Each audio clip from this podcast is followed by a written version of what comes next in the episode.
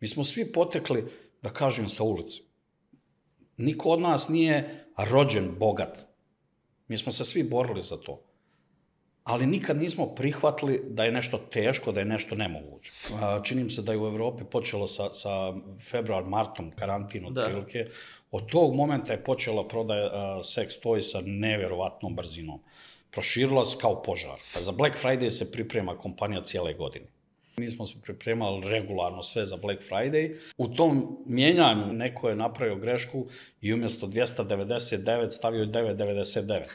I to nismo mogli da vidimo sve dok se nije počelo od jedno masovno kliktanje. Apsolutno svi mediji objavili da je švedska kompanija izgubila 10 miliona eura. Nikad u životu mi se neće desiti da ja, hajde da kažem, naš ono, balkansko prodam obraza novac. Nikad. Nije poenta u životu da želiti novac. Ko želi novac, neće ga zaraditi.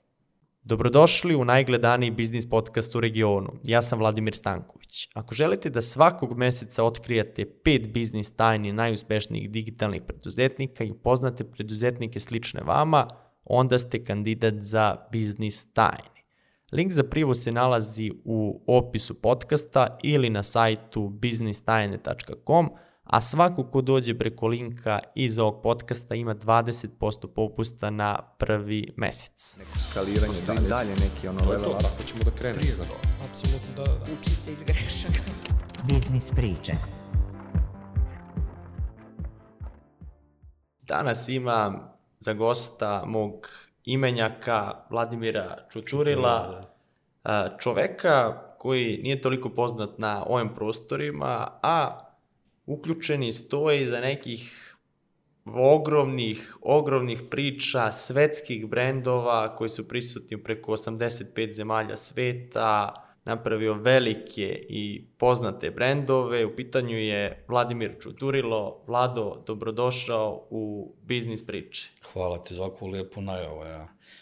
Ja moram sad da te korigujem, nisam ja jedini koji je ovo napravio, ja sam jedan dio tima koji su ovo sve napravili, jednu jako lijepu globalnu priču.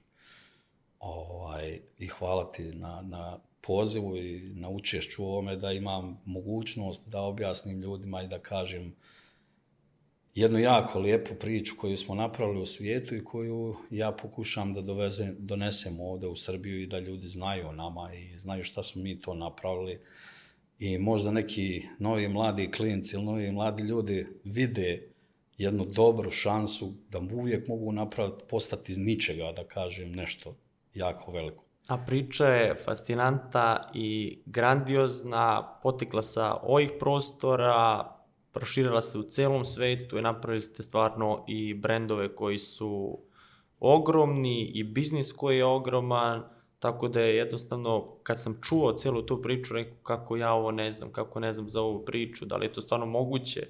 I onda kad smo kad smo se upoznali, kad sam video da to stvarno postoji, da su to brendovi, to je bilo fascinantno, mora ovo da, da se snimi. Tako da, koji su to brendovi u, u pitanju? Hajde da krenemo ovako. Ovaj, prvo, prvo bih htio da kažem, a, da kažem ko je u stvari i osmislio, čitao tu priču. To je Filip Sedić. Ovaj, I on je čovjek sa, iz Sarajeva. Mislim, ja sam iz Sarajevlija, mi smo svi od ozdo i igrom slučaja u onom nesretnim ratovima smo razbacani svuda po svijetu, tako sam ja završio u Beogradu, on je završio u Štokholmu, a i odatle je cijela priča počela. A 2003. godine Sed, Filip je radio za Ericsson i bio je direktor za jugoistočnu Evropu i čovjek koji je jako pametan i koji je vidio da u jednom momentu jedna kompanija koja je bila ogromna, ovaj, za naše pojmove broj jedan na svijetu, ne ide u dobrom pravcu i da se desiti nešto loše s tom kompanijom i onda je on odlučio da napusti tu kompaniju i da osnuje svoju kompaniju. I sa, da kažem, tim obeštećenjem koje je dobio od te kompanije, stvorio je brand Lelo, prvi brand koji je on krenuo i prvi brand koji smo mi svi podržali, koji je stvoren na uh, jedan revolucionarni način, sa dobrom, dobrom marketinškom a, podlogom. Upravo to, sav uspjeh se zasniva na toj energiji. Nismo kompaniju napravili mi. Kompaniju su napravili svi ljudi zaposleni u Foreu. Znaš, ideja je jedno, ideja je vodilja, znači svi se vodimo jednom idejom. Ali ne možeš ti da uzmeš i da baciš kompaniju, da je ono napraviš, evo sad, bum, ona je tu. Ne, ljudi koji rade unutra, prosto dali smo im slobodu i kreativnost. Dali smo i dio našeg zezanja, ono, hajde zezajte se zajedno s nama. Imamo sad svi zajedno napraviti nešto. I tako se sve se dešava. Zato imamo takav ogroman uspjeh. Jer doslovno svi učestvuju u tome. Ukucaj Lelo i Diesel, da vidiš dizajn. Diesel farmerki, Diesel uh, Lelo, uh, ovaj, Lelo Diesel, da, Jasno. okolo. Da, da, da. Znaš, više se ne krije ništa, čak se spaja sad. Jel tako? Tako Znaš i sam, ja. Na kraju kraja pogledaj LGBT populaciju koje probleme imaju, zato što ljudi prosto ne mogu da prihvate to. I onda mi smo kroz te takve stvari širili, na kraju krajeva sam dizajn, sam dizajn proizvoda je doveo do toga da ovaj, e, doveo je do, doveo je do toga da je to jako prihvatljivo za ljude i mnogo lijepo izgleda. Dosta puta sam ja izvadio dildo na, u restoranu, stavio ga na sto, niko ne zna šta je to. Neka lijepa i stvarčica, ono, lijepo izdizajnirana. E to je ta stvar kroz koju se promijenio svijest ljudi i uopšte ženama je, e, i djevojkama mnogo lakše da prihvate, mnogo lakše im je u društvu, mnogo nisu, nisu e, kako da kažem, stigmatizirane ako kupi to i da koristi. Da kažem Ali tako. trebalo da prođe vremenski period da bi se to, da bi moglo da se tome doprinano i internet, kako ste tu umrežili, ok, imamo seks to, i s druge strane kondomi. U kojoj fazi su došli kondomi? Proizvodnja kondoma, A, proizvo- kondoma. Proizvodnja kondoma je počela, uh, hu, hu, hu, ja mislim, sad zaboravio sam, uh, negdje Nebitno, tačno. 2000, 2007. ili 8. je tako nešto je počela proizvodnja kondoma. A generalno čitava ideja je nastala u tome, nastala je u tome što ovaj prosto ne postoji e, adekvatan kondom. Svaki kondom, nijedan kondom vam ne daje nikakvu garanciju. I dosta slučajeva imate da ljudi koriste kondom, zaštitu i sve imaju probleme. Dođe do začeća, do trudnoće, dolazi do a, ob, raznih oboljevanja i mi smo na, na, došli na to da moramo nešto da uradimo po tom pitanju. A, imali smo adekvatan a, silikon koji smo koristili dotad u proizvodnji lela i koji je medicinski silikon i koji i dan danas koristimo, a, mada na mnogo a, većim, višem kval, tehnološki razvijenijem nivou za proizvode od Farea, a, taj medicinski silikon koji možda se iskoristi a, za kondome koji je mnogo, mnogo sigurniji nego ostali koji su na tržištu. A, tehnologija koju je isto Filip razvio a, pri proizvodnji kondoma, koja ako otvorite kondom vidjet ćete da je heksagonalan, da su praktično čelije i to nam je dalo dvije stvari. Jedna stvar, da dobijemo takvu sigurnost a, da prosto ne može da se probuši kondom, ako se probuši on se raspadne čitav, To je jedan vid, znači nema šanse da vi ne vidite da se to nešto desilo s njim, a s druge strane dobije takvu fleksibilnost da može da se širi do, do, i da se s njim radi sve što se radi, jel? I to je dalo sigurnost, ja mislim jedini kondom na svijetu koji ima 100% sigurnost i bezbjednost i garanciju. Silikon koji smo tad počeli da koristimo i našli uh, za, za Hex kondom nam je poslije dao mnogo veće uh, prednosti kad smo počeli da proizvodimo uređaje za čišćenje lica, za, maša, za masažu lica, koji nam je dao tu medicinsku stranu i plus inovacijama i tehnologijom koju je razvio gospodin Sedić, mi smo na, došli do jednog stvarno dobrog uređaja koji, koji uh, je napravio revoluciju u, u održavanju kože, u skin care industriji, uh, da napravio revoluciju u medicinskom dijelu uh, sve vezano za kožu, pojačanje tonusa lica, pojačanje mi, tonusa mišića, čišćenje od starih epitela kože. Prosto napravili smo revoluciju u tom dijelu kom a, malte ne nije ni postojalo tako nešto, bilo je ranije prije nas.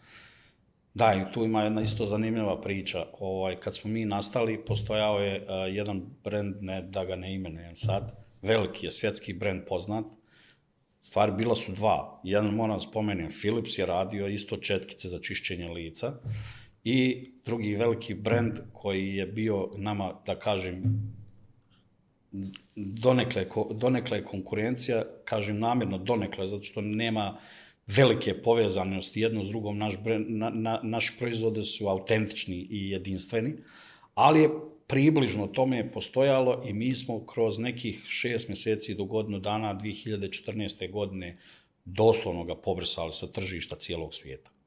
Doslovno. Philips je prvi put u svojoj istoriji priznao da je ugasio svoju proizvodnju radi konkurentnosti druge kompanije. Od strane startupa. Jeste. Prvi put u svojoj istoriji Philips je priznao tako nešto.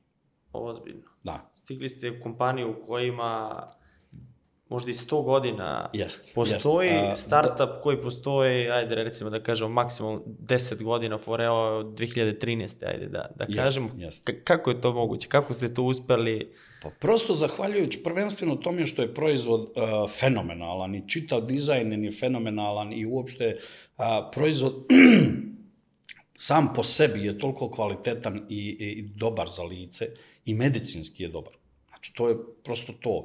S druge strane, postigli smo na taj način što smo mi ovaj, generalno čitava kompanija je građena na, na, na energiji ljudi koji rade, koji su zaposleni u toj kompaniji. A dali smo ljudima slobodu i kreativnost. I svi oni zajedno sa nama su nam dali sve ovo što smo napravili. A, svi su dobili slobodu da, da a, daju svoje učešće, da kažu šta bi i kako bi da urade i dali smo im a, podršku za takve stvari. Imali smo mnogo, mnogo dobrih akcija i mnogo, mnogo dobrih stvari a, s njihove strane i prosto cijela ova kompanija a, živi i radi i nastaje i postala je tako dobra zahvaljujući tim ljudima koji su zaposleni u kompaniji Foreo generalno sve potiče od uh, jednog čovjeka koji je i, i dizajner i uh, inovator, Vizionar. vizionar, doslovno vizionar, čovjek koji skroz na jedan drugi način vidi svijet. A, ovaj, a mi smo samo slušali i gledali šta on radi i dali svu našu energiju i napravili jednu jako dobru priču i jako dobro zezanje u svemu tome i nešto lijepo za sve. I niste upali u onu zamku da kad ste, da kažem, porasli do, do korporacije, da uvedete korporacijsku i kulturu, da ubijete to što, što vas je dovelo ne, do ne, tle. ne, niti želimo. Mada u jednom momentu će morati da se dovede kompanija, svaka velika kompanija mora da uđe u neke, uh, neke stabilne tokove, da kažem, ali za sad mi se borimo da ostanemo i dalje ta neka startup zbog te energije, zbog svih tih ljudi koji imaju tu stvarno veliku viziju, stvarno veliku želju da napreduju, da stvare nešto veliko i mi živimo i, da kažem, plivamo, plovimo u tome. I to je to što nas vozi, što je to što nas nosi. Naravno, svi, većina naših kupaca koji kupi naše proizvode su jako sretni s nama. Mi dosta puta i organizujemo čak i sast, neke evente sa njima, a, stalno pokušavamo da budemo sa svim klijentima, sa kupcima u direktnom dodiru i da vidimo, da vidimo da li mi to radimo kako treba. Jer u principu dobijamo samo tu neku pozitivnu vibraciju s njihove strane, pozitivan feedback. Svi žele da bude dio toga. Jer cijela priča nije samo priča o proizvodu. Ovde je cijela priča o cijeloj kompaniji. Foreo je jedna porodica. A, kompanija je recimo porodična i čitava priča je porod, porodična. Svi zaposleni su dio porodice. I svi kompaniju smatraju kao svojom. E to je taj recept za uspjeh koji smo mi napravili i koji je u jednom momentu, da kažem, jako brzo smo, recimo sa Foreom smo posle tri, tri ili četiri godine smo preuzeli, posle četiri godine smo preuzeli treće mjesto u kozmetičkom svijetu. Treće mjesto za samo tri i četiri godine. Postali smo broj tri u, u kozmetičkoj industriji. Na svijetu, ne u Srbiji, ne na Balkanu, u svijetu za a, četiri godine, hajde pet godina, stvorili smo a, kompaniju koja a, fizički ima operaciju u 87 zemalja na svijetu. Prisutni smo u svih 200 zemalja na svijetu. A operaciju 87? Operacije, direktne operacije u 87 zemalja na svijetu. Napravili smo jednu jako lijepu priču koja Kako izgleda taj put od tog e, startupa, te rane faze Forea? Vi ste par godina bili najbrže rastući startup u svetu. Vi ste imali rast, mislim, evo, kad pogledamo to, šta se desilo te 2013. godine, vi ste za četiri godine došli na treće mesto. Šta je to bilo osim te dobre energije, tog dobrog zezanja? Šta je tu još bila tajna? Vi niste bili korporacija koja ima marketing da krene odmah čita svet, već ste bili kreativni i gerila i... e, to je otprilike tako, najviše gerila. Najviše gerila, stvar uspjeha je u energiji. Energiju i entuzijazam koji smo mi svi nosili u tom momentu i u dan danas je nosimo, mislim, to je sam taj entuzijazam, sama ta energija je dala sve. Počeli smo skakati po svijetu, otvarati ofise, branch ofise, predstavljati velikim kompanijama ko smo mi, šta smo mi. Zamislite sad kad dođete jednoj velikoj korporaciji, da kažem, vi treba da im ubijedite da kupe vaš proizvod, odnosno da prodaju vaš proizvod, a vi ste unknown, totalno. Jesi ti išao da prodaješ to? Da, apsolutno, da. Ja sam uh, 2017. godine, evo recimo primjer, ja sam otišao u Poljsku, pošto ja sad, evo, ostao sam na kraju u Poljskoj, a najviše sam tamo u Varšavi, Došao sam 2017. godine u Varšavu, u Poljsku, niti sam znao jezik, niti sam znao nikoga tamo. Sletio sam na aerodrom i ono, ok, šta sad? ovaj, a, izbor, a, izbor je bio moj da odem u Poljsku. Mi smo razmišljali kako i šta s koje strane da uradimo za istočnu Evropu i onda prosto sabralo se dva i dva u glavi a, i izabrana je Poljska iz dosta nekih realnih razloga. Međutim, kad sam ja došao tamo, apsolutno nikog ne znam, ne znam jezik, ne znam ni ko šta operiše tamo, ko je tamo bitan, ko nije bitan, šta je. Prvi dana šetaš, lutaš po gradu, gledaš ono, da vidiš gdje se ti uopšte nalaziš i šta to ti treba tu da radiš. I onda kad sam vidio gdje šta je isto klasika kao uh, u ostatku Evrope, imate dva, tri velika retailera i to je to, znači, ono, zakaži sastanak, kumi moli da te prime, što je tako i bilo, ovaj, za, za, za, trebalo je dosta vremena da ja njih ubijedim prvenstveno da me prime.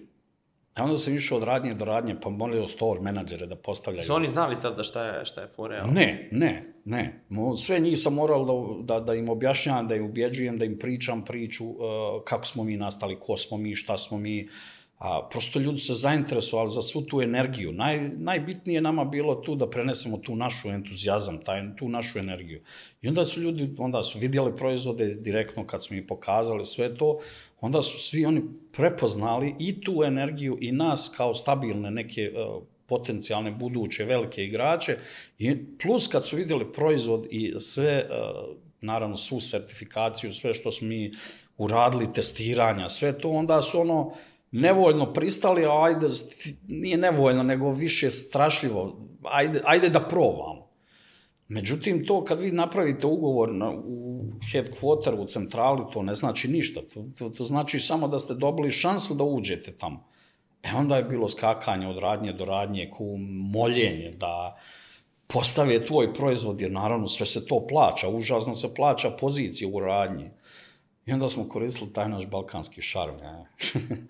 I staru sarajevsku školu, kako da ubijedite nekog da prihvati vaš proizvod i u stvari u početku su oni nama stavljali zato što smo bili simpatični. Ja. Bilo im jako lijepa i zanimljiva priča i posle toga su oni shvatili da je to stvarno dobra stvar. Ljudi, naši klijenti kad su kupovali te proizvode, a, svuda u početku, i, pa i dan danas je mnogo, imamo jako dobrih e, pozitivnih feedbacka s njihove strane i a, e, čitava priča je sažeta puna energije, pozitivne energije. I to je to nešto što je zaživjelo i što ide, što se dešava i dan danas. Stalno imamo nove proizvode, stalno izbacujemo nove proizvode i stalno smo u komunikaciji sa mlađom generacijom, jer nam je jako bitno da ta energija početna ostane, a ta, ta energija mora da dođe od ljudi koji su naši kupci, da kažem to tako. S druge strane, pravimo dosta, dosta, dosta even, eventa gdje se družimo s njima, gdje pričamo s njima, gdje nam oni a, kažu šta oni žele. Tako da su i dobrim dijelom i oni kreativ, kreativni dio cijele ove priče i svih tih naših proizvoda. To je dobar primjer brenda kako se gradi odnos sa klijentima, sa kupcima, da se oni osjećaju kao deo te porodice. Da, apsolutno, apsolutno. Pa nego drugačije ja mislim da ni ne može. Isto kako gradite unutar kompanije, tako morate da gradite i klijente i učite s klijentima. Na primjer, e, e, jedan primjer, kad je krenuo TikTok, komunikacija preko TikToka je bila uglavnom, do duše, u Srbiji je i dan danas djelimično tu, to su tinejdžeri, 13, 14, 15, 16 godina. E sad, a, u Evropi i u svijetu je TikTok ma, mnogo ranije krenuo i mnogo ozbiljnije se shvatio. A, kad je krenuo, u početku isto bilo generacija 13-14 godina. I naša ideja je bila zamisao da mi komuniciramo s njima i da razgovaramo s njima i da budu, da rastemo zajedno s njima. I sad smo mi dobili, na primjer, sad TikTok koriste u, u Evropi, u, svijetu, momci, djevojke, da to tako nazovemo, oni su sad već 20 godina, 25 do 30. To su ljudi i generacije sa kojima smo mi odrastali. Odnosno, oni su odrastali uz nas. I ta energija koju oni imaju, mladost, ljepota i sve to, je ta energija koju mi želimo i koja nama je potrebna. Oni su ti koji nama govore šta je njima potrebno. Naravno, mi imamo a, naš razvojni centar, naše a, institute u Švedskoj koji ispituju sve to što mi proizvedemo, što se izdizajnira i što je prilagođeno i napravljeno za, za, za a, lice i za tijelo i za zdravlje uopšte. I onda kad imate taj spoj tehnologije, nauke, dobrog dizajna, dizajna, dobre energije i kad imate komunikaciju, odnosno početnu poziciju od ljudi kojima je to stvarno potrebno. Tad imate savršen spoj, savršen proizvod. Spomenuo si ovo da kako su izgledali ti pregovori sa radnjama da se ubace proizvodi. Zanima me a, kako je izgledao taj odnos a, retaila i komerca od tih ranih dana, u kom je to odnosu bilo tada, kako je sada i komercko. Verujem Pa da je... i, e-commerce je tad otprilike i počinio za, da, da zaživljava, a s tim što e-commerce je prilično hladan. I te, retailer su mnogo, po meni, ja sam staromoda malo, stariji, starija generacija, više volim retailere, zato što možete da dođete u dodir i komunikaciju sa, sa stvarnim end userima, stvarnim kupcima i sa ljudima koji rade tu, sa ženama i djevojkama koji rade tu, onda s njima možete da dođete, stupite u komunikaciju, oni vam daju neke smjernice šta, šta ljudi žele, šta ne žele, šta im se sviđa, šta im se ne sviđa. Kod e-komerca je to prilično hladno, vi nemate neki, neki feedback. Ovaj, ali e-commerce sve više i više i razvija i nažalost a, storovi nestaju. Nove generacije koriste internet mnogo više i prosto sad ta neki, onda ćemo morati da pravimo neke druge načine komunikacije s njima, morat ćemo da se družimo na neki drugi način, možda da pravimo parti, žurke, pa ćemo da vidimo kako ćemo. Na neki način se mora nadoknati Taj kontakt. I... Da, mora da se napravi taj kontakt, definitivno.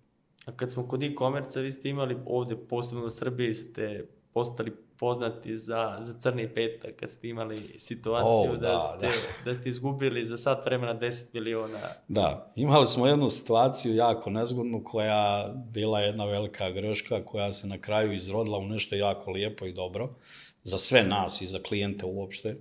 Naime, a, u cijeloj toj euforiji, znate kako je ono, Black Friday kad dođe, to je, nije toliko u Srbiji poznato koliko je u svijetu, to je totalno jedno ludilo. A, za Black Friday se priprema kompanija cijele godine. I to je, a, taj jedan dan u, u godini je toliko, ne znam kako bi ga ja na, nazvao, potrošačko ludilo, kao da je sve besplatno. I onda svi se moramo pripremiti za to i tako je bilo, naravno, pripremali smo, to je bilo 2019. godine, mi smo se pripremali regularno sve za Black Friday, htjeli smo da napravimo neke promocije na, na našem e-komercu, na našem .com, foreo.com.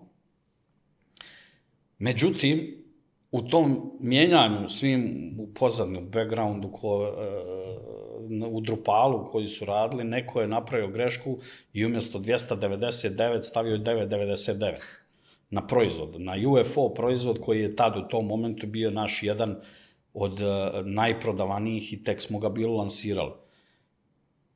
I stvarno slučajno je došlo do toga da je on grešku umjesto 299 stavio je 999, nekim čudom se to desilo I to nismo mogli da vidimo sve dok se nije počelo odjedno masovno kliktanje, kad ljudi klikću, to prosto upalile se sve lampice kad smo mi da proverimo šta se dešava, ono, ljudi su kupovali po 9,99. Proizvod koji je 300 dolara, 300 eura. A mi nismo znali šta da radimo s tim, moramo ispoštovati ljude i prosto nije fair. Zaustavili smo, hvala Bogu, jako brzo, u stvari smo posle sat, sat, sat i po, tako nešto, zaustav čitav .com smo morali da zaustavimo, nismo znali kako da zaustavimo samo jedan proizvod, nije moglo da se zaustavi, nego smo čitav .com zaustavili. Međutim, to je naravno izašlo u cijeli svijet i interesantno je bilo da, da, da su svi mediji na Balkanu, a pogotovo Srbija i Bosna, apsolutno svi mediji objavili da je švedska kompanija izgubila 10 miliona eura. To je bilo jako funny ovde za, za, za, za ove prostore. Iako nisu znali ko stoji za švedske kompanije, Pa, pazi da ti kažem, Balkana. vidi, a, tu nema neke misterije, nema neke misterije. Filip Sedić je vlasnik kompanije, on je šveđan. On je Sarajlija koji je rođeni iz Sarajlija, koji je igrom slučaja u nesretnim ratovima odselio u Švedsku, dobio njihovo državljanstvo, završio školu, tamo sve, mislim, priča koja nije ne, nešto nepoznata našim ljudima. Međutim, on je kao, šve, kao šveđanin, kao čovjek odande i u Švedskoj su i nastali svi ti proizvodi. I dan danas uh, je sve to u Švedskoj, Švedske to sve potiče. Headquarter je u Švedskoj, a, institut naš je u Švedskoj, istraživanja su u Švedskoj, sve odande potiče. Ali je u pozadini Filip Sedić je Sarajlija, neko ko sa ovih prostora. Ali dovoljno, kažem, bar novinarima, ali nisu udubljivali da, da povežu, da, da ima ime, ne mora ni, ni da bude nikakva veza da ima, na primer, Ajkula u Crnoj Gori, 68. pojavili se to je to, eto, novinskog članka Ajkula u Crnoj Da, da. Gori, nema, nema veze što se toga tiče. A imali ste, to jest imate i dalje zanimljivu saradnju sa Charlie Sheenom. A, da, da. Pa, d- ta saradnja je došla, ta saradnja je došla kad je Charlie Sheen saznao da ima AIDS. I onda smo mi, pošto sve radimo suprotno, malte ne, od normalnog svijeta, onda smo mi shvatili da to nije negativno, pošto cijeli svijet je počeo da ga da govori u negativnom kontekstu o njemu i onda smo mi shvatili da to nije negativno, nego da je to šansa da se tu uh, promijeni svijest ljudi, da počnu da se koriste zaštite, da malo gledaju i brinu o svom zdravlju. I u momentu kad smo mi kontaktirali uh, PR službu Charlie Sheena i samog njega Charlie Sheena, ta ideja je uh, uzeta jako dobro, jer Charlie Sheen je neverovatan momak. A, čovjek koji je toliko napravio u svom životu i toliko želi da uradi za druge, iako on malo Destruktivan po sebe. Pa recimo tako nešto, tako nešto, ali on u toj svojoj destrukciji pokušava i stalno radi na tome da, da nauči, da kažem, mlađe po- populaciju šta ne treba da rade. Što se desilo i u tom momentu. Kad smo mi izašli tim predlogom, on je čovjek prihvatio iste sekunde, istog momenta.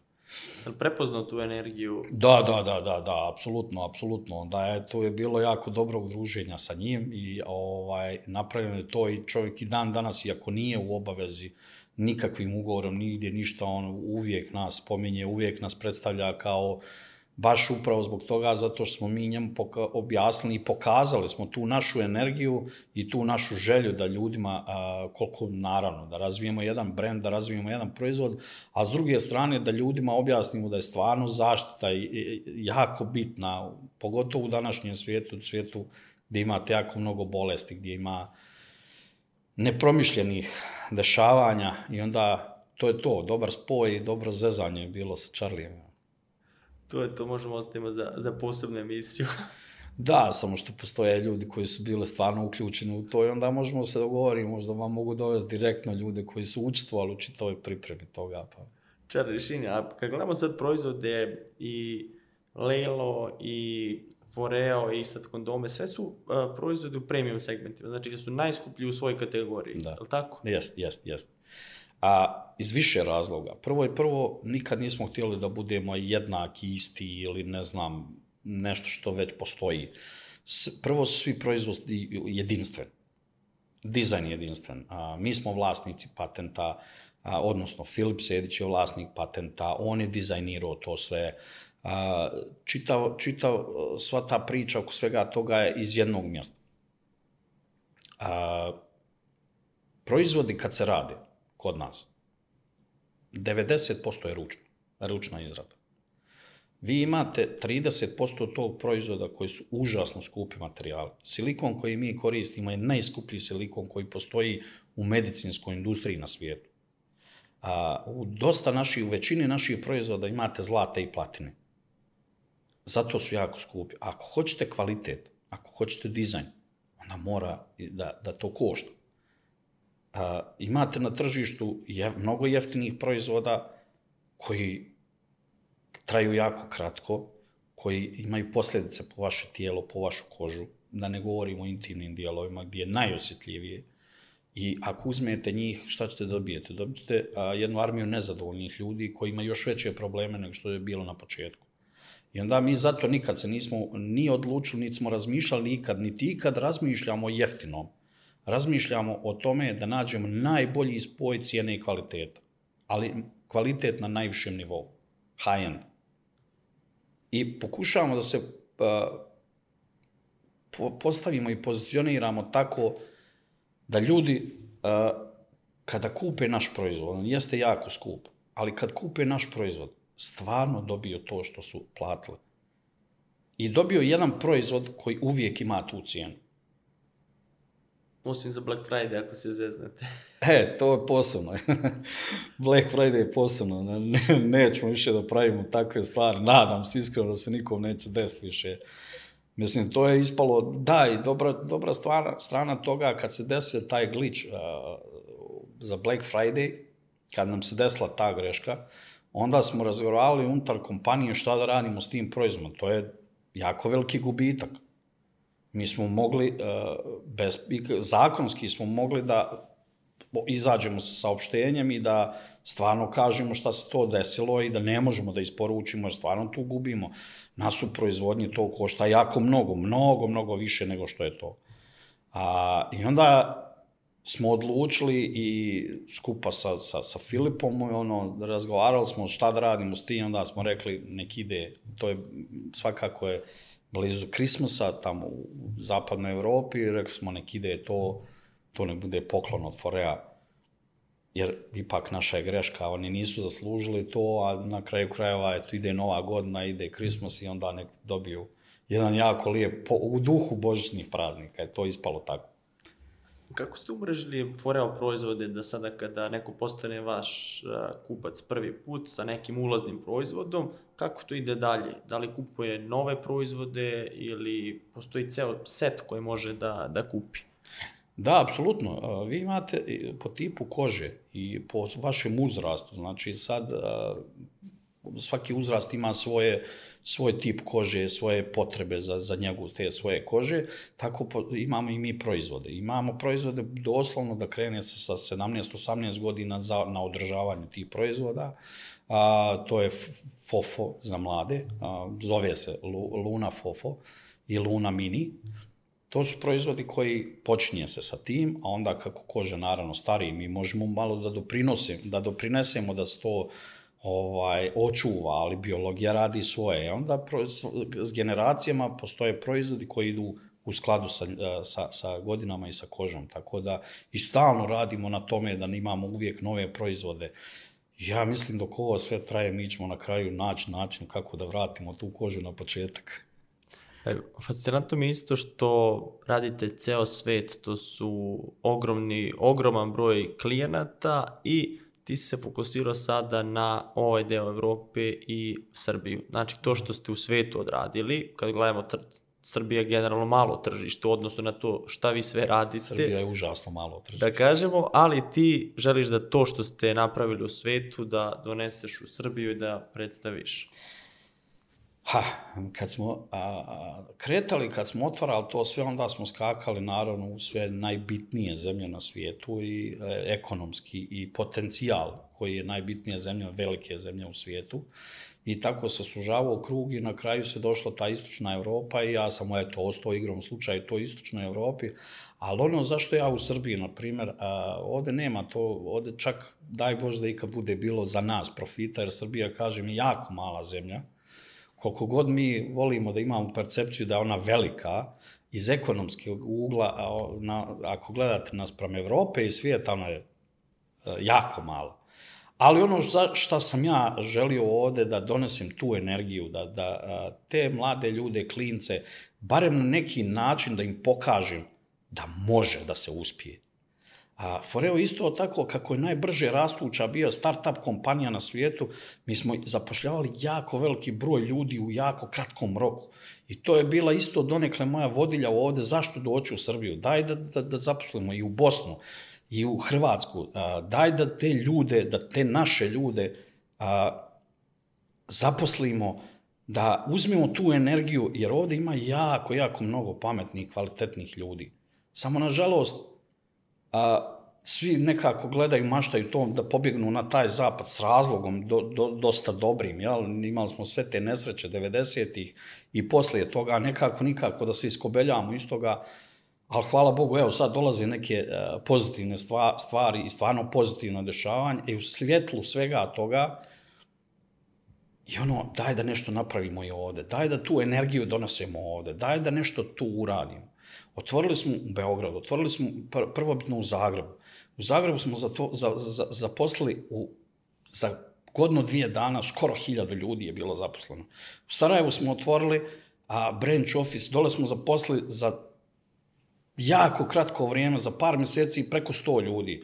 A onda, nažalost, desilo se to, ja sam otvorio u Srbiji ovde isto tako, desila se i korona i sve te, nekako, nikako nemamo sreće ovde da to zaživi u punom kapacitetu, ali u principu je jako bitna ovde ta priča i ta, ta energija. I kad ljudi budu prepoznali tu energiju, a, onda će da shvate koliko je sve u životu moguće. Jako mi je bitno da mladi ljudi shvate da je stvarno moguće sve. Ono što sanjaš je jako jednostavno napraviti. E, to je ta priča koju mi nosimo sa sobom i kako, iz koje smo mi. Mi smo svi potekli, da kažem, sa ulice. Niko od nas nije rođen bogat. Da smo naslijedili. Niko. Mi smo se svi borili za to. Ali nikad nismo prihvatili da je nešto teško, da je nešto nemoguće.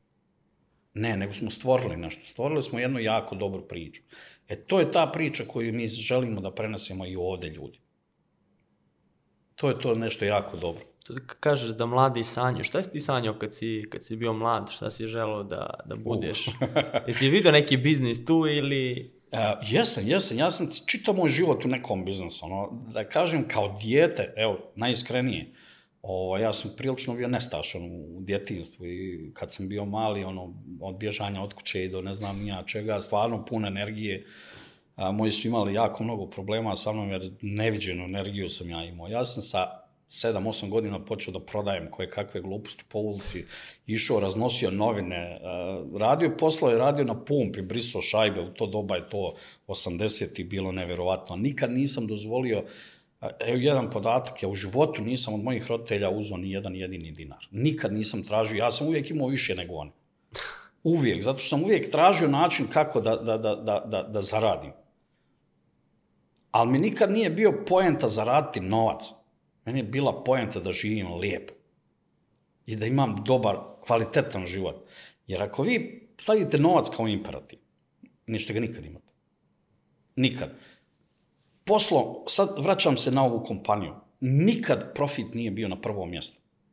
Nikad. Evo odgovorno sad go tvrdim. Ni dan danas nije profit na prvom mjestu. Na prvom mjestu su ljudi. Na prvom mjestu je energija. Kad su ti ljudi sretni, zadovoljni, kad on dolazi na posao, željan da dođe na posao, da mu je ljepše doći na posao nego ostati u kući spavati. E kad vi skupite svu tu energiju, ta energija ne može da ne napravi nešto. E to je to. U životu morate imati energiju. I naravno šta god da želite da radite, ono, u kom pracu želite da idete, uvijek ima prepreka, to je sasvim normalno. Ne, ne bi to bila vrijednost ako nema prepreke. Ako neko da nešto, to još nije vrijednost, to je besplatno. Je tako? E tako i kod mene u životu, čitav život sam ja, a, da kažem, išao se, vodio se s tim da, da, da napravim moj život mnogo kvalitetnijim. I dan danas to tako razmišljam. Želim ovo, želim ono, želim kvalitetan život. Nikad se nisam prepustio da me nešto vodi, da čekam, hoće li mi neko dati posao, hoću li ja dobiti platu, hoću li ovo, hoću li ono. S druge strane, bilo je teških perioda, radio sam ja kod privatnika i ja ne kažem, a sve to dio, sve to dio života. Sve to dio života, dio sazrijevanja, dio, dio... Ali to i kad sam radio kod drugih, poštovao sam ih, koliko god je to bilo teško, nisam sebe vidio u toj, toj poziciji, u tom momentu je tako moralo. I naravno, ja sam iz te pozicije kad je došao moment izašao i opet nastavio svojim nekim putem. U životu uvijek imate uspone i padove. A ovo što kažeš, želim ovo, želim ono, a, gdje staje to? Postoji neki stadijum gdje ti dođeš i kažeš, ej, imam sve, znači ne želim više ništa. N- opet vraćam se, nije poenta materijalno. Materijalno dolazi samo od sebe, od te energije. Nema, Pomislio sam da, si nema stajanja. materijalno. Ne, ne, materijalno nije poenta. Vjerujte, materijalno nije poenta. Ja sam jedno, tri, četiri puta u mom životu bio i na dnu i na vrhu. Zato što prosto nije mi materijalno. Nikad u životu mi se neće desiti da ja, a, hajde da kažem, naš ono, balkansko prodam obraza novac. Nikad. Znači, radije ću ga izgubiti, desilo mi se to, izgubio sam a, dva, tri puta. Jednom sam stvarno 90-ih izgubio veliki novac, zato što nisam htio da se uključim u politiku. I doslovno smo vratili, resetovali smo ono 100 godina unazad, gdje sam morao otići za poslice, jer više nisam mogao da, da, da, da opstanem. E, to je to. Nije poenta u životu želiti novac. Ko želi novac, neće ga zaraditi. Poenta je da imate energiju, da imate viziju šta želite u životu i da idete ka toj viziji. Ako vam je vizija lijep život, kvalitetan život, novac ne znači kvalitetan život, evo ja vam garantujem. Imate gomilu XY ljudi koji su dobili na lutriji. Je li znate šta se desilo s njima? Nikad više niste čuli o njih, jer nije ima ništa. Izgubili su to. I još su zapali u još veće probleme. Poenta da vi imate svoj cilj, da imate nešto o čemu maštate, neku svoju želju i da idete ka tome, da vas ništa ne zaustavi. Da nema ono, e, jo, ja ne znam, jo, ja ovo ne mogu da riješim, ne znam, sto problema. Ljudi, to je život. Život se sastoji od problema. Da nije problema, mi ne bi bili kvalitetni ljudi. Kad naučite da problemi ne postoje, da su to samo u jednom vašem putu, u trajektoriji, to su neke prepreke koje ti moraš da preskačeš i da dođeš do onog svog cilja. E, to ti je i ključ uspjeha.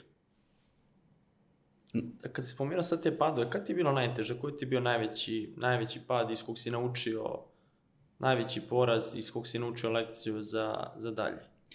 Pa ne znam, ne, ne, mogu, ne mogu ja da... da Ili u biznisu, evo, da uzmemo sad mogu, cijelu ne mogu, priču. ne mogu da rastaj, da vam kažem. A, ako ž, krenete da, se, da, da živite život od samog sebe, znači da ste vi taj neki koji kreira nešto, da ste vi koji svoj posao, onda vam je život i biznis jedno. Ne postoji način da to razvodite. 24 sata ste vi i u privatnom životu i u biznisu. Vaš život je biznis. Znači, to je nemoguće. Nema granice, one koje... Ne, ne mogu, to je, to je nemoguće. Na, ako se opredijelite da, da, da imate tu granicu, onda ćete otići rad kod nekog 8 sati i to je to, ono, switch on, switch off, upali, ugasi svoj mozak i to je to. U preduzetništvu nema toga. Ne, ne, ne može da bude. Ne može da bude, jer ono što vi kreirate, vi to kreirate 24 sata. 365 dana u godinu. I vi to nosite sa sobom i kad spavate. Nije jednostavno ni to. Ne da nije I jednostavno. nije za svakoga. Ne, neću to da kažem na taj način zato što bi onda diskvalifikovao ljude odmah u startu. Ne, ne želim. Svako ima istu šansu. Svi smo mi rođeni a, pod ne, istom... pitanje je da li želi neko to. E, to je pitanje. To je da li želi i da li ima snage da to izgura. Jer a, biti u biznesu i ostati u biznesu je a, stvar užasne samokontrole i, i, i snage, mentalne snage. Ali postoji jedan jako lak alat, da ću to nazvati alatom. Ako sebe ubijedite da problem ne postoji, da prepreka ne postoji, tad nemate prepreka. Problem ne postoji. To su samo stvari koje se rešavaju u hodu. Vi kad krenete od kuće ka poslu, ako idete autom, 10 semafora vas zaustavi.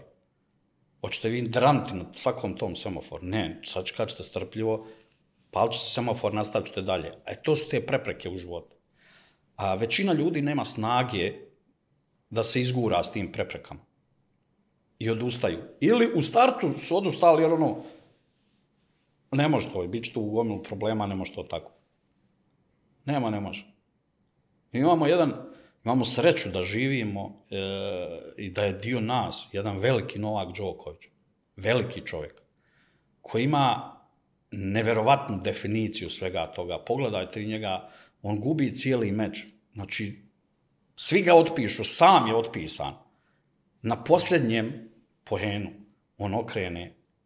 Ima to na čuveni meč sa, sa, sa Nadalom kao u Melbourneu kad ga je dobio posle pet i po sati. On je bio na posljednjem uh, gemu, ja? Da. Gubio je posljednji gem. I u posljednjem gemu je okrenuo i nastavio još tri sata da igra s njim i pobjedio ga je. To je, To je jedan naj- mentalna snaga. E, to je to. E, to vam je u biznisu. To vam je u životu. Nema, ne, nema prepreka. Jedina prepreka, jedina, ste vi. Sami, niko više. Ako ste vi odlučili da je, ne možete da pređete neku prepreku, da, nećete je preći jer ste vi rekli da je to prepreka i ne može da se pređe. Ako ste vi odlučili da je pređete, ma koliko je ona teška bila i velika, vi ćete naći način. 1, 2, 3, 5, 100, milion pokušaja. Vi ćete naći način, pređete tu prepreku i nastavit ćete dalje. I vi ćete nastaviti tamo gdje su ostali stali. A šta ti kažeš mladima sad koji su u situaciji razmišljaju da li da odemo u inostranstvo, da li u Srbiji nešto da, da pokrenemo, evo mi na podcastu dajemo ideje koje mogu da pokrenu iz Srbije, da rade ceo svet, šta ti njima kažeš? Da... Šta ću da im kažem? Evo ovako, to, to, sad, danas je to jako jednostavno. Internet je otvorio mnoge mogućnosti. Sad, internet je otvorio mogućnosti da vi možete da šetate po svijetu, da sjedite u svom domu. Ono što bi poručio, svako treba prvenstveno da ide da putuje po ovom svijetu. Nemojte mi samo reći da ne može. Ja ću reći milion načina kako može. Jer mnogi će odmah naći, naći reći nema Pa para. nema para. Jest, to je laž e, samog sebe pa i onda svih ostalih. A Ko želi može. Postoji XY načina. A da proputuje svijet i da se vrati kući. Da proputuje svijet, da učestvuje u tom svijetu, da vidi kako svijet funkcioniše. Srbija je jedna jako lijepa zemlja, Bosna, Balkan je uopšte jako lijepa zemlja. Ali, nažalost, mi smo se učaurili i ostali u tim zemljama. Većina mladih ljudi ne želi, ne da ne želi fiktivno, oni kažu ja volio da putujem, ali ne radi ništa po tom pitanju. I onda niko od njih, ovdje mi imamo jednu, cijele jedne generacije koji nisu vidjeli kako svijet funkcioniše. Sjedimo u ovim našim zemljama i mislimo da je naša zemlja jedina i jedinstvena i najbolja na svijetu. A u stvari cijeli svijet prolazi kraj nas. E, ono što bi trebalo svi da urade, Evo imam sina 21 godinu i ono što ga ja tjeram sad da ide da se školuje, da nastavi školova master da radi u inostranstvu. Ne da ga tjeram, nego prosto razgovaramo i da ide u radi master u inostranstvu. Nek ide tamo da prosto vidio kako ostatak svijeta funkcioniše. Idi putuj, idi vidi, idi skupi znanje, idi o, o, edukuj se. I vrati se onda ovde i počni nešto da radiš svoje. Naravno, od mene ću uvijek imati podršku. A to bi isto rekao svim mladima. Ljudi, imate sad danas šansu. Vi, e, danas je svijet bez granica. Čak i fizički je bez granica. I donesite to svoje znanje ovde. Ili, ako ne želite da putujete, onda imate internet. Obiđite e, čitav svijet, skupite ta iskustva, nemojte da mislite da ste najpametniji ovde. Srbija funkcioniše u svojom nekom a, finansijskom i ekonomskom ekosistemu, da kažem, koji nije baš, polako se mi priključujemo na, na, na, na, na, na zapadnu Evropu i na svijet, ali dosta, dosta još mi moramo da učimo. Te nove generacije moraju da prihvate, ne, ne moraju, nego bi trebalo da prihvate te poslovne a, norme i manire i da donesu to ovde i da stvore, ne, da stvore taj a, okruženje ovde kako, kako treba. A ovo što si spomenuo da smo stručnjaci za, za sve, i za futbal, i za Novaka Đokovića, i da Selektor tebi, je. tebi kad, su došli, kad si došao u, u Srbiju sa, sa Foreom, da su ti tu dali savete šta ne može, šta može, da... Da, to si jako. Je, Ono što smo razgovarali, možemo da poredimo, kod nas su svi selektori, svi znaju najbolje šta treba. A mi smo prvenstveno stvorili kompaniju u cijelom svijetu, pa tek onda smo došli ovde. I onda sam došao ovde i onda sam počeo da slušam kako mi ne znamo ništa, kako on, mi treba da slušamo ovde, kako se to ovde radi. Ja evo i dan danas strpljivo to slušam i stvarno ovaj, donekle su u pravu, ali to u pravu je, nas i drži ovde gdje jesmo. Hoću da kažem ljudi, hajde malo pogledajte kako se radi u svijetu. Hajde malo saslušajte nekoga ko, ne, mora to, ne moram to biti ja. Hajde prihvatite ljude. Evo opet ću navesti primjer Novaka Đokovića. On čovjek mučenik je broj jedan u svijetu. Čita svijet ga poznaje, čita svijet ga priznaje, a mi ovdje imamo ljude koji opet pričaju neke gluposti o njemu i kao omalovažavaju ga. E tako, tako se mi ponašamo prema kompanijama. A, znam XY, da kažem, i velikih ljudi na velikim položajima u velikim ko- kompanijama i korporacijama koji dolaze u Srbiju i onda istu priču imaju. Ovdje mi ljudi nešto pričaju, ja ne znam šta oni hoće. Oni imaju svoju viziju posla kao da je to jedini na svijetu koncept. Ja se slažem i treba da se izdvajamo po, po jedinstvenosti. Mi imamo jako pametne i jako talentovane ljude i treba te ljude da podržimo, ne da ih otjeramo. Ali isto tako mi generalno, kolektivno moramo da shvatimo, mi nismo jedini na svijetu. Ako želimo da budemo dio zajednice, dio tog poslovnog zapadnog svijeta i da imamo te zapadne plate i zapadne kompanije, onda moramo da prihvatimo tu igru. Istu igru kao što igraju oni na, na, na zapadu. Kako je cijeli zapad stvorio tu ekonomsku moć. E, hajde da je uzmemo, hajde da je primjenimo. Zašto mi moramo da trošimo vrijeme na, na te naše, a, kako da kažem, e, mi smo najpametniji. Zašto da trošimo na to vrijeme? Hajde da uzmemo dobre stvari sa zapada i da dodamo tu našu notu, te naše snalažljivosti, da, da, da, da, da, napravimo, da napravimo tu neku jedinstvenost odavde, a s druge strane da ne odskačemo od statka svijeta. Jer prosto da bi došli veliki igrači, oni žele stabilno tle, žele poznato, poznato okruženje i to poznato okruženje mi moramo da im damo. U suprotno ovako ćemo da kaskamo hiljadu godina. Na koje si tu savete dobio od selektora za, za Foreo? Šta su ti rekli? joj, A, joj. Ima nekih zanimljivih. Pa, prvo, nešto što mi je jako smetalo u početku, to je jedan detalj koji ja nisam primijetio dok nije sve ovo desilo, dok nisam ja izašao preko, pa napravio to što smo napravili, pa vratio se ovde, to je da ovde ljudi prvo ne žele da znaju ništa o tome, ništa šta se napravilo, šta se desilo tamo. Čak i kad ja počnem da govorim o cijeloj toj našoj priči, ono, ono, svi su fazoma, daj, haj, pustimo neke priče, priča. Ne želi čak ni da provjeri niko to.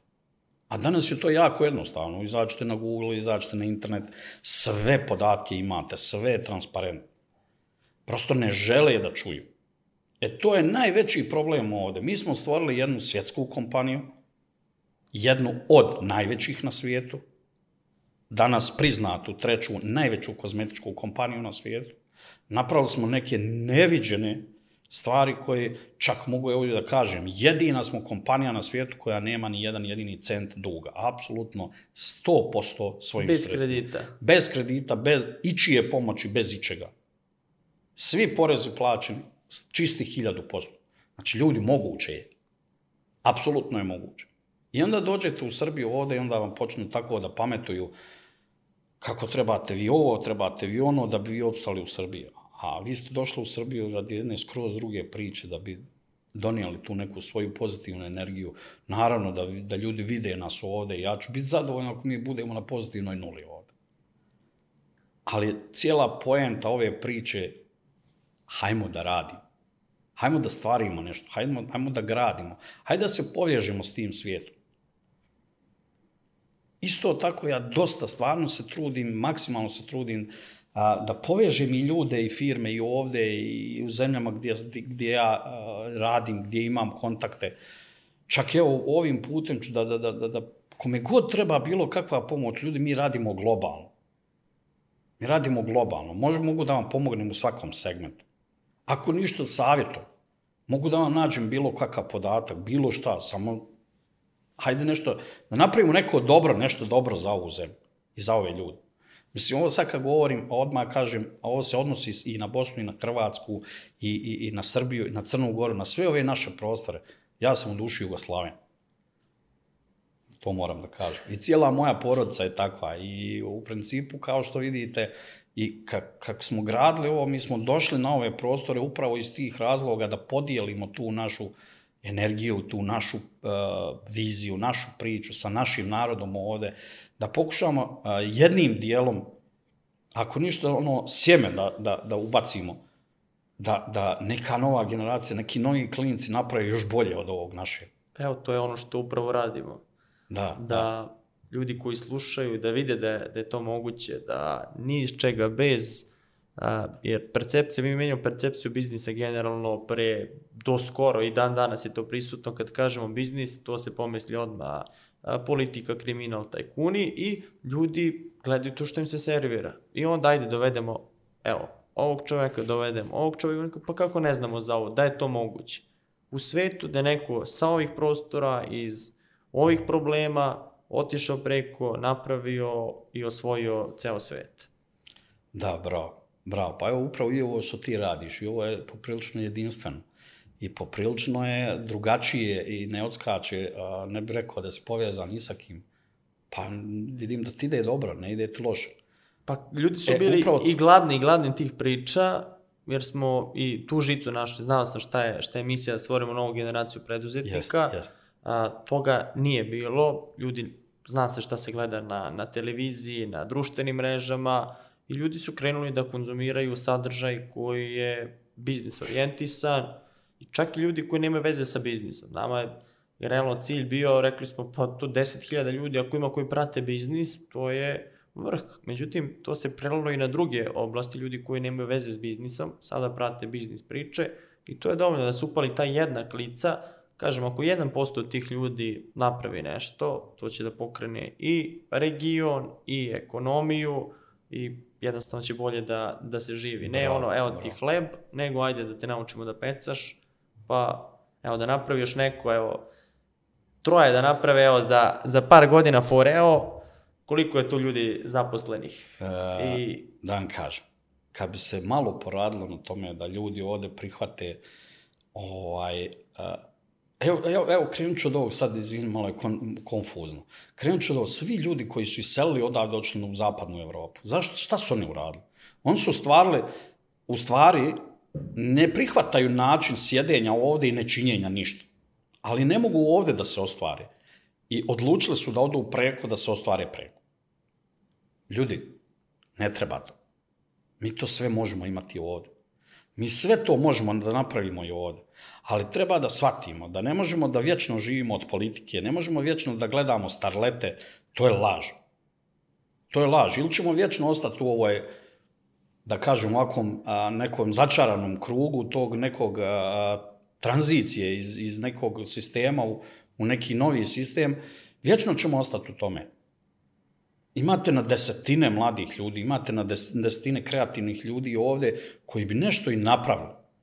Ali mi kao društvo nekako gledamo da, i, da i odmah se sjećamo u korijen. jel to to, ne prašta se uspeh? Da vam nešto kažem, to je prirodna stvar, ali ako vi prihvatite to tako, onda ste vi izgubili. To, to je prirodna, prirodna stvar u čovjeku. Borba uvijek onaj jači mora da opstane. A, definicija uspjeha je to da nema prepreka. Da se ne osvrćete na to da te sasjeku. Naravno da ćete sasjeći. Koliko košta dijamant? Zašto on košta toliko? To je najobičniji kamen, eno ga dole negdje pod zemljom. Zašto košta toliko? Zato što vi treba da potrošite mnogo vremena i energije da dođete do njega. I on ima svoju vrijednost. E tako isto i biznis, tako isto i uspjeh. Uspjeh, da bi bio uspjeh i da bi imao svoju realizovano i u materijalnom i u svakom drugom obliku, naravno ima prepreke, ima to, to je ta zemlja koju vi kopate da dođete do, do dijamanta.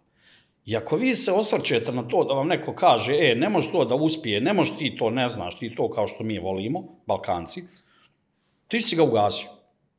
Ti neš uspjeti.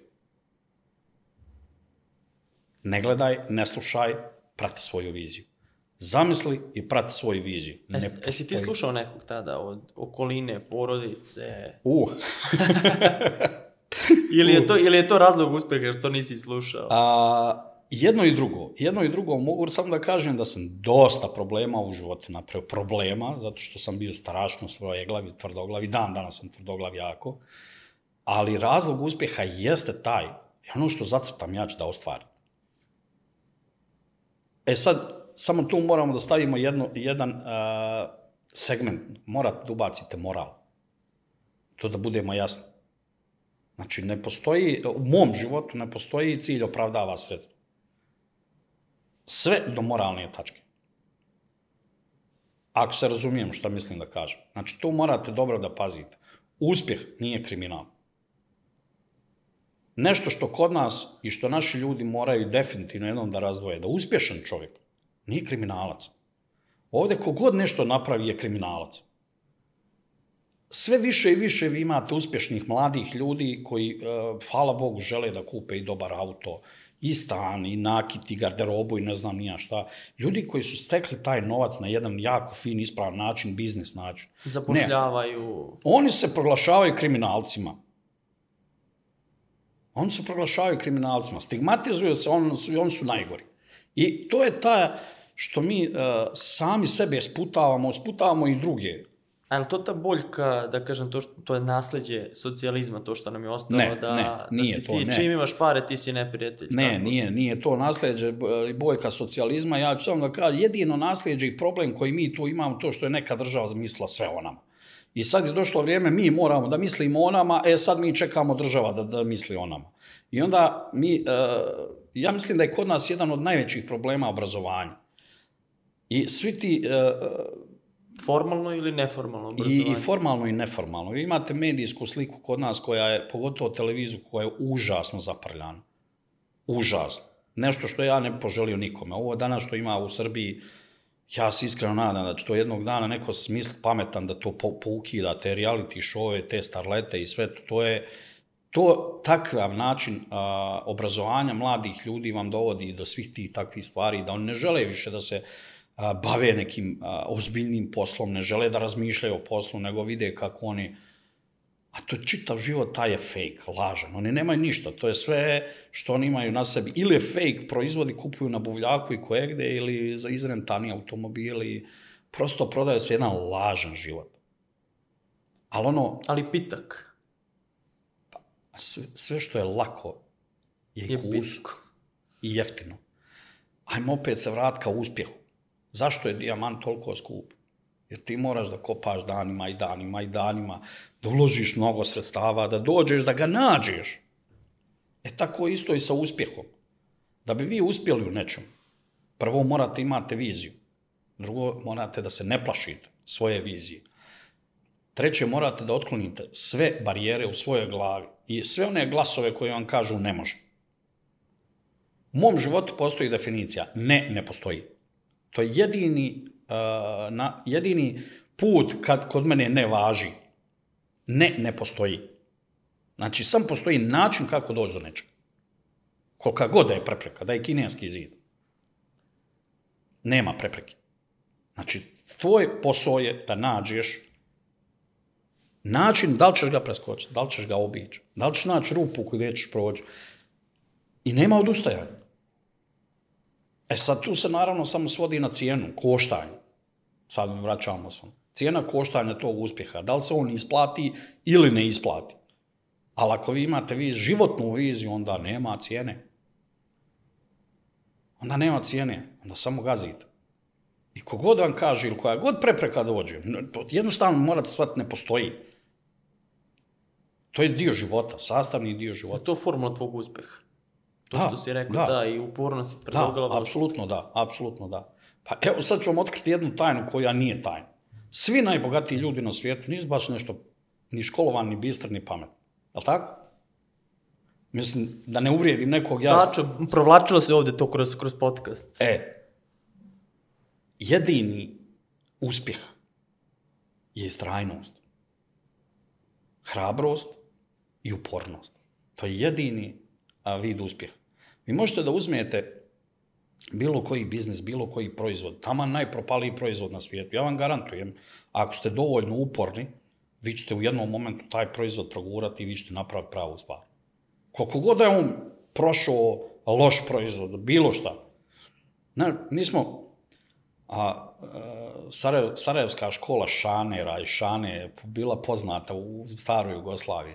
Imali smo jednog a, lika koji je napravio početkom 88. 9. 90. 91. tako nešto, bio je Džirlo, živ je čovjek i dan danas. Ne, ne, starija generacija se Da, sjeća da, i čajčenica, to. E, e, e, e.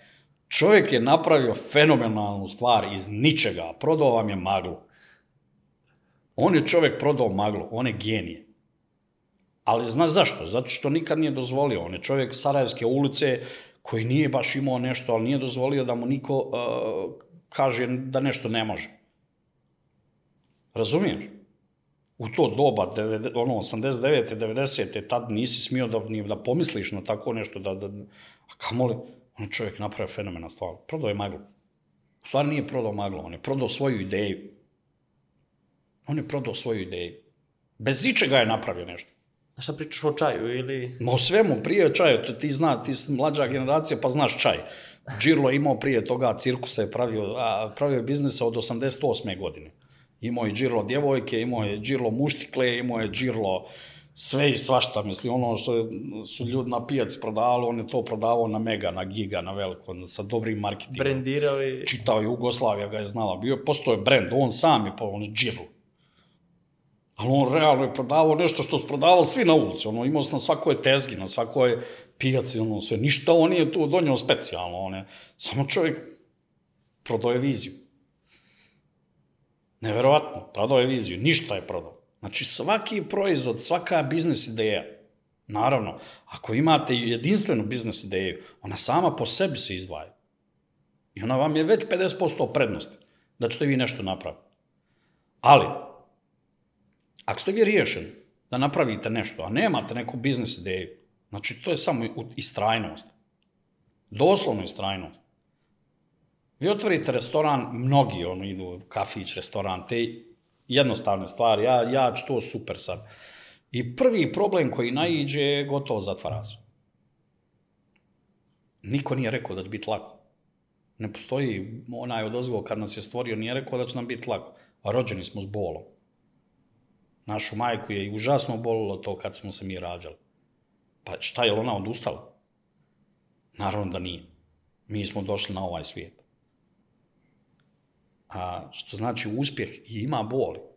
I strajnost. Kad otvorite taj kafić, u jednom momentu će raditi dobro, u drugom momentu ćete imati probleme, nećete moći da isplatite račune, ovo, ono, naravno dolaze svi problemi i na vama je da nađete način kako da promijenite šta ne valja i da donesete taj novac.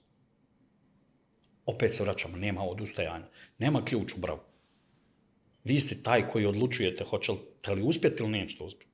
Hoćete staviti ključ u bravu, zatvoriti ili ćete otvoriti ta vrata i izvati onu bravu da je nikad više ne vratite unutra. Kad nemate bravu, ne možete zatvoriti vrata. To ono ne. Ne postoji. Problem je došao, tvoje je da nađeš način kako da ga prevaziđeš. I to je to. A taj marketing, eh, branding i ta cijela prodaja, jer ste, to radite in-house u kompaniji ili angažujete drugi da, da rade to? Kako je u Pa, startu bilo, to je- kako je sad? E, u principu, u principu kod nas je, u samom startu je to krenulo a, kao i cijela kompanija startup i mi smo krenuli to da radimo sa našim nekim genijalnim idejama i hvala Bogu imali smo i napretak. Ovaj, I marketing kompletan, naravno, kad se kompanija širila, kako se širila, morali smo da uzimamo druge a, outsourcinga, da, da outsourcamo druge agencije i druge kompanije da nam pomažu u tome, jer stvarno je nemoguće isprati toliko. A, dobar dio marketinga, većinu marketinga mi radimo in-house. U stvari, generalno, mi unutar naše kompanije, počevši od samog dizajna proizvoda, pro, proizvodnje, sve je naš. I gledamo da bude to sve naše. Da, sve, da, da što manje zavisimo od ljudi sa strane. Jer ljudi sa strane u većini slučajeva ili kompanije ili korporacije ne mogu da se uklope jer imaju svoje a, tokove, imaju svoje načine poslovanja, a mi ne želimo da prihvatimo uobičajene.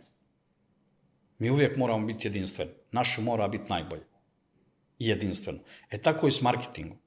Marketing je u početku bio gerila i polako sad prelazimo na neki uobičajeni marketing, ali uvijek će biti gerila. Uvijek ćemo mi imati taj jedan segment, ako ne i pola tog gerila marketinga i te dobre, dobre, dobre energije i vibracije koja dolazi i od naših ljudi i ljudi u tim agencijama. Ono što je jednom prilikom Elon Musk rekao za, za biznis plan, da on nikad ne pravi biznis planove jer to već, već je zastarelo, znači misli da se nekako i ti vodiš tom logikom, da nema previše papira, planiranja, već idemo akcija, dobre ideje, kreći sa, Jest. gledamo kompaniju koja je ogromna, ima taj duh startupa, gerile, kako tu kod tebe izgleda, kako to uspevaš da... Vidi da ti kažem, ovaj, to Elon Musk je rekao jako dobro stvari, to je tačno tako, upravo to je tako. To novo doba je do- donijelo a, novu vrstu biznisa, novu vrstu, a, prosto mi se moramo adaptirati svemu tome. Nema više tih, a, kad vi pravite biznis planove, kad vi pravite tu administraciju, to vam je jedan slon koji ne može da se okrene. U međuvremenu dolazi mlađe ljudi, generacije koje samo koje su već odradili. koje samo to odrade. Dok ko- ko- korporacija donese odluku, mi smo već odradili sve to. Jest da je to na divlje ovako, onako, napravi i onda formira. Onda ispravljaj greške. Ali ti si napravio tako nešto. Tako da je, tako smo nastali, tako radimo i tako svi mi volimo da radimo.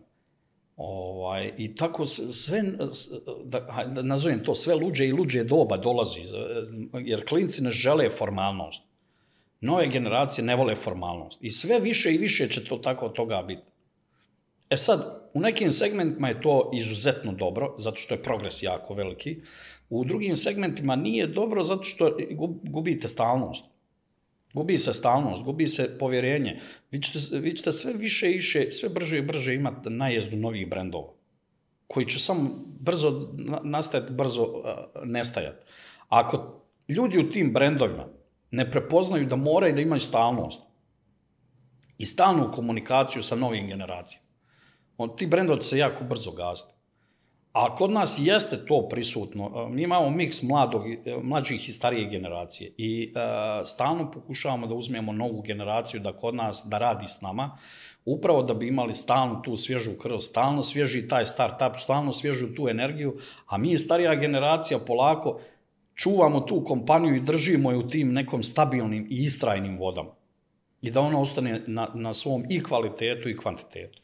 A jedan brand uh, u pitanju je Lelo ste i deo prodali. Da, To je od- bila fascinanta ta, i taj rast, da nisu verovali da, da je moguć taj rast. Pa, Pa prosto, uh, prodali smo uh, 60% kompanije uh, jednoj bankarskoj grupaciji i kod njih je to u bankarskom svijetu je neverovatno da vide takve brojke i takav rast. To je nezamislivo. U bankarskom svijetu se dešavaju 1, 2, 3% na godišnjem nivou i to je za njih ono 2% kada ostvari wow. To je jako veliko. Onda su došli kod nas i radili su screening dvije godine i onda nisu mogli da vjeruju da mi rate, rastemo po 200-300% godišnje. To je bilo neverovatno, mislili su da lažu. I onda su radili screening dvije godine, međutim u koroni se desilo taj jako veliki skok Još- u još momentu i oni su vidjeli no, ono, daj, daj, daj, daj sad dok je još vrijeme. Jer su vidjeli da je u stvari to istina i da je stvarno ta do, dobar kvalitetan proizvod, dobar management, dobar dizajn, a, dobra energija vodi i pravi to sve i da će to biti sve veće i veće. Tako da, da, kako ste uhodavali, rekli smo koliki je taj skok zaposlenih bio, ta dobra energija, međutim, kako vi uhodavate te ljude? Sada imate, a, zaposl, zaposlili ste 200 ljudi novih, kako se tu uhodava da se uklope u tu vašu kulturu, taj E, opušteni... pa to je super lako. To je super lako. Uskoče u jedan dobar parti. Ja, ja ću to tako da nazovem. Be- Bez šale. Prvenstveno mora da ima strpljenja za sve. Kogod dođe novi. Taman da je najveći surovi profesionalac na svijetu dolazi u neko drugo okruženje. Prvenstveno se ima razumijevanje za to. Daje se vrijeme. U međuvremenu za to, eh, za to vrijeme dok se oni uhodavaju, dok oni dođu do te, dok uhvate point, catch the point, dok uhvate tu poentu, a, obučavaju se i pravi se, ne, aj, ja opet pored sa partijom. Sve ovo je jedan dobar partij. Jedna dobra zabava. Jedna dobra žurka. Mi radimo i zabavljamo se. I vrlo brzo se oni uh, svi adaptiraju zato što je svima to jako prijatno, svima to prija. I svi vole to, svi vole, ko voli da dođe 9 sati da ga neko maltretira, neki tamo šef ili gazda ili ne znam nija šta, to ne voli niko. Ali ako ti daš čovjeku, uh, ako ga zainteresuješ na, na to, da on želi to, on pet puta brže to saznaš, pet puta brže ulazi to. I jako brzo ti imaš kvalitetan kadar. I ti kadrovi ostaju. Sad, nažalost, mislim, nažalost, nije to nažalost, to je uh, surova činjenica. Danas, uh, danas mladi ljudi ne žele da se zadržavaju nigde. Prosto ne žele. Danas je a, godišnja, a, godišnja danas, danas je a, trend rotacije u, u Evropi, u svijetu uopšte šest meseci zadržavanja u jednoj firmi. To nije kao nekad što je bilo. E sad, da bi mi zadržali kvalitetan kadar, mi moramo da osmislimo šta je to što će njih zadržati tu. Disneyland. E, Disneyland. Upravo to Disneyland. Upravo to. I mi pokušavamo, naravno, shodno mogućnostima unutar kompanije, shodno kakve prostorije imamo, kakve... Uh, prije korone smo imali jednu, tra, ne tradiciju, nego smo... Čak sam ja insistirao, ljudi, putujte Mi smo im plaćali, putovali su od nemila do nedraga. Ono, gdje god imamo ofis, idi tamo, idi, sjedi tamo nedelju dana s njima, vidi kako to funkcioniše u toj zemlji, pa se vrati vamo. I mi smo gajali taj trend uh, i hipsterski, ono, i slali i svuda po svijetu, i ko hoće i ko neće. Mislim, ono, naravno, nismo nikog na silu tjerali, ali i stalno se trudimo da, da, da, da, da, da koliko god je moguće damo i slobodu u kreativnosti, slobodu u radu. A, naravno, uvijek moraš da držiš neke granice poslovnosti, jer to ipak jedna kompanija sad već polako prerasta u korporaciju. Ali nikad nećemo dozvoliti da to bude ta dosadna korporacija, ona koja ubija svu želju i volju tvoju. A, moja želja kao nekog poslodavca i ono čemu ja trudim da uradim je to da svaki od tih mojih kolega koji su zaposleni tu želi što prije da dođe da se vrati nazad na posao. E, to je pojem. To je tvoj zadatak. Da, da, da, da, apsolutno. Moj zadatak je da, da, da ljudi budu sretni. Kad su oni sretni, ja sam sretan. I moj račun je sretan. I račun kompanije je sretan i njihov račun je sretan. Svi srećni. A kako izgleda tvoj danas radni dan? Evo? Uh, sve samo neobičano. Sve samo Jel imaš neku rutinu ili svakog dana isto? Ne, mrzim rutinu. Mrzim rutinu. ili je ne parti? Volim, ne volim rutinu, ne volim rutinu, uh, iskreno ne volim ni planiranje i kod mene je planiranje se svodi u idealnom slučaju dva dana, tri unaprijed. To je idealan slučaj. Uh, planiranje ubija kreativnost. I planiranje tu uja energiju. Uh, to je isto kao kompanija. Ako ti čitavo, radiš po onom biznis planu, ti si ubio svu energiju. Ti imaš jednu liniju i ideš po toj liniji. I to je dosadno. I ubio sam sebe, ubio sve oko sebe, zato što je to dosadno. E tako i kod mene. A, osim, naravno, opet se vraćam, postoje neke stvari koje moraju da, da prosto moraju da se urade, jer iz u biznesu iz mnogih razloga, zbog radnog vremena banaka, zbog radnog vremena administracije, zbog, to su neke stvari koje moraju. Morate ispoštovati klijente, morate, to su neke obavezne stvari. Ali u dijelu gdje a, vi treba da organizujete svoj dan i svoj biznes i svoje razmišljanja, vama više treba vremena da vi razmislite šta ćete da radite neki sljedeći period. Kako ćete vi da smislite? Svaki ima svoj neki način, opuštajući. E, zato ne volim to planiranje, zato i ne Pet idem. godina, deset kako, godina, ma gdje jo, vidiš sebe jo, za deset godina? Gdje vidim sebe za 10 godina? Ma na isto, isto ovo, jedino, daj Bože zdravlja, eto, ali na ista, isti način, ista meta, isto ostojanje. ne bi ništa dirao. Ne, ne, ne, želim da, ne želim da mijenjam energiju. A kad kažem ista meta, isto ostojanje, govorimo o energiji. Ne govorimo o poslovima, ne govorimo o biznesu. Mi ćemo napraviti još desetine proizvoda, desetine kompanija, brendova. A, u raznim pravcima ćemo možda da idemo. To je poenta. Poenta je držati energiju i želju za napredovanje, da želju da stvorite još nešto. To je poenta. U tom smislu ne vidim sebe da ću nešto da se promijeni. Promijenit ću onog momenta kad me priroda bude pozvala sebi. Samo tako. Pro, provlačimo energiju kroz dosta tema. Kako ti održavaš taj nivo energije? Pa, Kako puniš tu energiju? kako da imaš punim? neke... Jel želiš ti da budeš sretan? Jel voliš da si sretan? Jel voliš da se smiješ? Da. E, tako. Znači, moraš da nađeš ono šta te usrećuje. Moraš da nađ, nađeš šta te usrećuje. Mene usrećuje druženje s ljudima, hajdi ti parti, da kažem, tako nešto. A, prosto ta neka životna energija od ljudi sa kojima se družiš. A, ako si, do, što više si u, u društvu ljudi, ti imaš informacije imaš energiju, skupljaš i pozitivnu i negativnu energiju, imaš informacije, imaš taj neki feedback. Čitav biznis se razvija na tvom znanju. Odakle dolazi tvoje znanje iz tvog okruženja? Znači, druženje s ljudima. Ljudi, zaboravite telefon. Ugasite telefon, izađite među ljude, družite se s ljudima, slušajte ljude. Prenesite, uzmite energiju. E, to je poenta, to je sve. Ako ti sjediš 8 sati za računarom, na poslu i onda provedeš 8 sati za telefonom, a šta si ti? Koja je tvoja energija? Biljka. Sunce, more, koktel, piće, druženje s ljudima, pozitivna energija, s porodicom. Pokupi porodicu, idi u prirodu. Ne sjedi kući.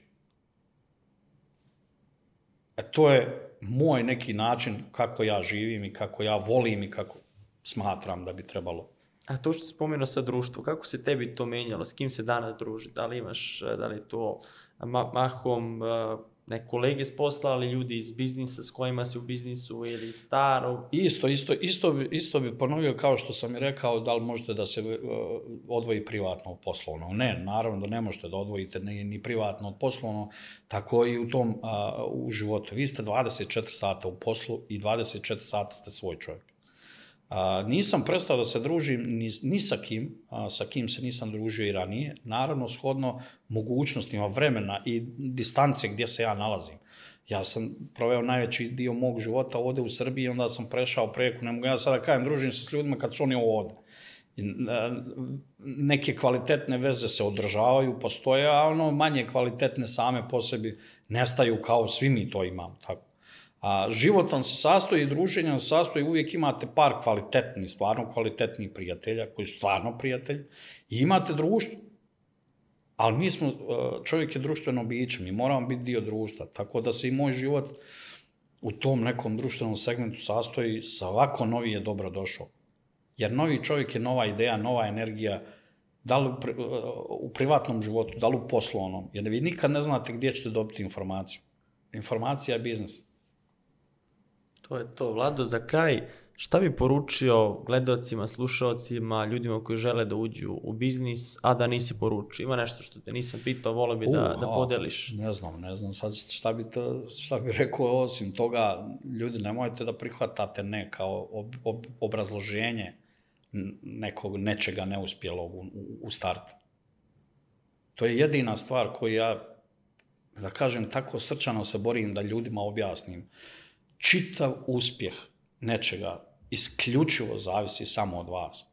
Koliki god problem vi imate, osim, isključujem, osim bolesti, ne daj Bože nikome, i opet, ljudi u bolesti, pogledajte, on se mnogo više bore nego uh, zdravi ljudi. Uspjeh znači istrajnost, znači želj i spremnost. I ono, ne, ne postoji. Jedini put kad ne treba da bude, to je ne postoji. To je to. Jaka poruka za, za kraj. Vlado, hvala ti što si bio gost biznis priča, što si se pojavio ovde. Nemate nigde, evo što smo ovaj premijera priče, ovo je biznis priče, tako da hvala ti što si motivisao i pokrenuo naše gledalce i slušalce. Hvala i tebi što si me pozvao i bilo mi čast da, da imam priliku da učestvujem kod tebe ovde, jer ti stvarno nešto što osvježavajuće na ovim prostorima i daješ jako dobro sliku ovim a, gledalcima, slušalcima, kako god. Hvala ti, pa ćemo za posebnu epizodu da ostavimo onaj deo sa, sa Charlie Sheenom. Može. A mi se vidimo u narednoj biznis priči.